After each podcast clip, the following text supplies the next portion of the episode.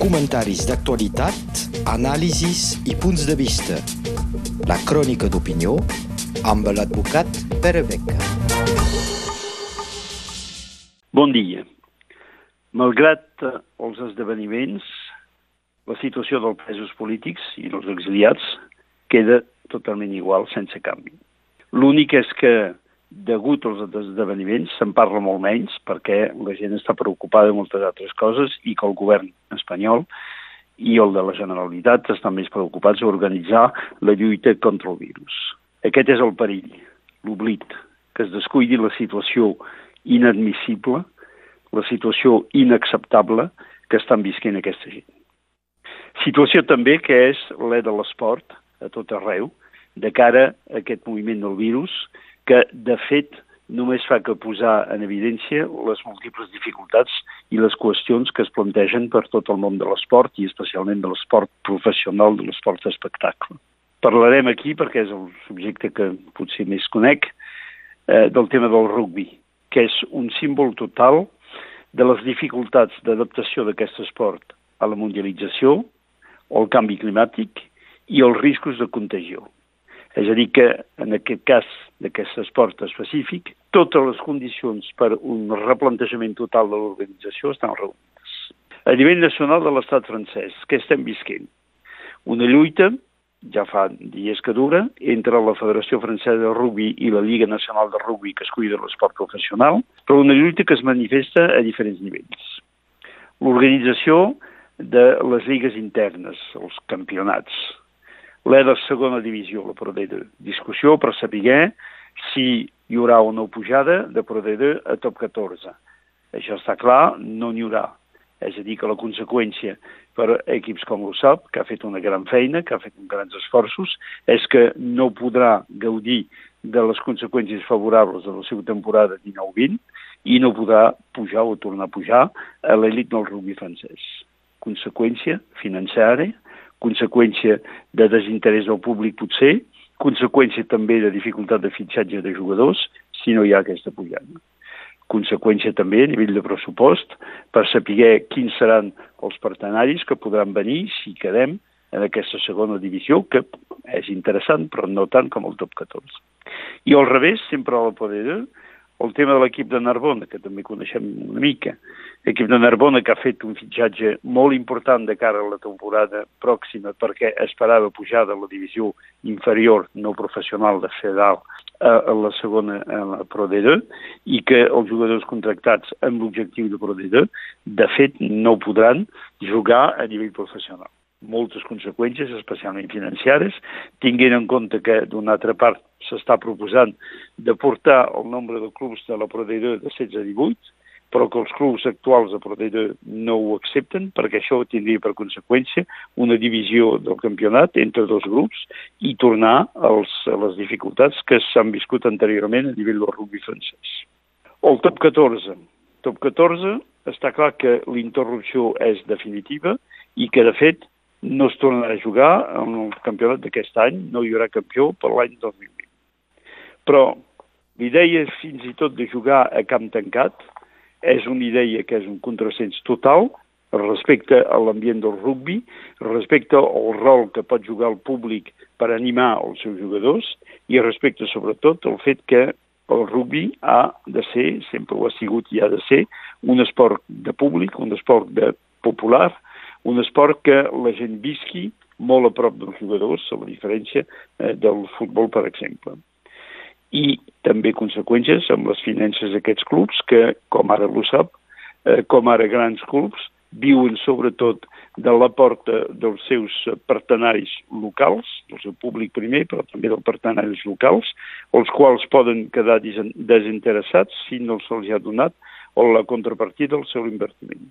Tot això en per sobre eh, la dificultat amb la televisió, que ella diu que ha contractat per tants partits i que si no el partit no es no pagarà les quantitats corresponents i que tindrà doncs, una conseqüència sobre les finances del curs. I més amunt d'això, la dificultat de la Copa d'Europa, perquè no tots els països membres de la Copa d'Europa estan al mateix nivell de dificultat sanitària, no tots tornaran a començar al mateix moment i, per tant, la conseqüència pot ser també un desequilibri, el desfavor als clubs francesos, si ells no tornen a començar la Lliga, perquè no hi haurà classificats de clubs francesos, com ara, per exemple, l'equip de Toulouse, eh, que mm, precisament si s'acaba el campionat tal com està previst, no estarà classificada l'any que ve per la Copa d'Europa, és a dir, que no tindrà les conseqüències financàries favorables.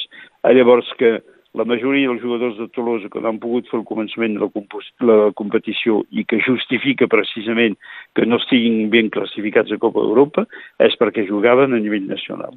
I no parlo, el rugby a 13, del cas dels Dragons, que ells, a la seva pròpia competició normal, clàssica, estan enfrontats a les dificultats sanitàries franceses i a les dificultats sanitàries angleses amb conseqüències i decisions dels governs que seran diverses. És a dir, una gran complicació organitzacional que no té sortida en aquest mateix moment perquè no hi ha una visió política global.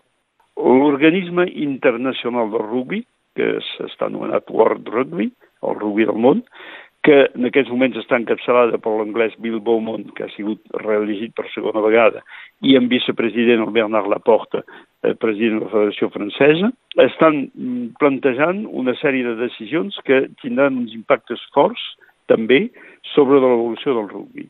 I no sé si estan agafant el camí que correspongui. Modificació de la temporada. La tradició és que el rugby és un rugby de lluites d'hivern, eh, de fred, que en els moments que es joga no és en competició mediàtica amb altres esports que a l'hivern paren i que per conseqüència té un cert públic mm, lligat en aquest fet que es joga a l'hivern i en camp obert. Fer un rugby d'estiu ho tindrà per conseqüència una menys visibilitat mediàtica perquè hi ha moltes altres competicions, també tindrà per conseqüència les dificultats climàtiques. Tothom recorda que alguns partits de l'estiu han de ser parat no a la mitja part, sinó mm, tres vegades al partit per causes de calor i de risc per la salut dels jugadors, i que aquest tema de modificació climàtica segurament només irà empitjorant, és a dir, que pot voler dir que els partits de rugby primer no es puguin jugar al dia sinó a la nit, per temes de temperatura i que a vegades puguin ser parats precisament perquè eh, calor, calor excessiva.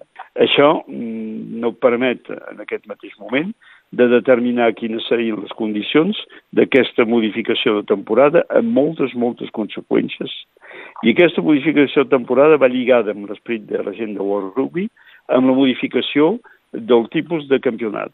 És a dir, desaparició de les mm, torner d'estiu d'estiu que tenen actualment poc sentit, és exacte, però desaparició també del torneig de sis nacions, que entra directament amb la tradició rugbística d'Europa Occidental i que queda ser una gran competició rugbística.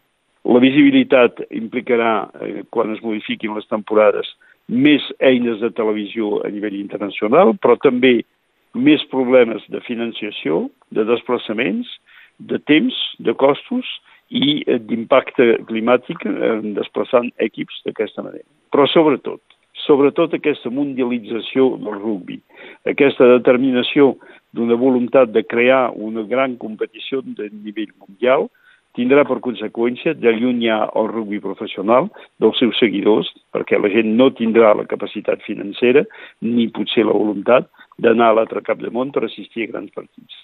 I per conseqüència, la pregunta que fa actualment el president de l'USAP, hem de pensar a nivell nacional, a nivell local, de mantenir el rugby pròxim dels seus espectadors i dels seus seguidors, o hem de pensar crear entitats una mica fora de sol, una mica despersonalitzades, amb jugadors que vinguin de cada cantó del món, per tenir equips molt performants, però només un espectacle i no una afició. Això és la pregunta dels anys endavant pel rugby. Moltes gràcies. Comentaris d'actualitat, anàlisis i punts de vista. La crònica d'opinió amb l'advocat Pere Beca.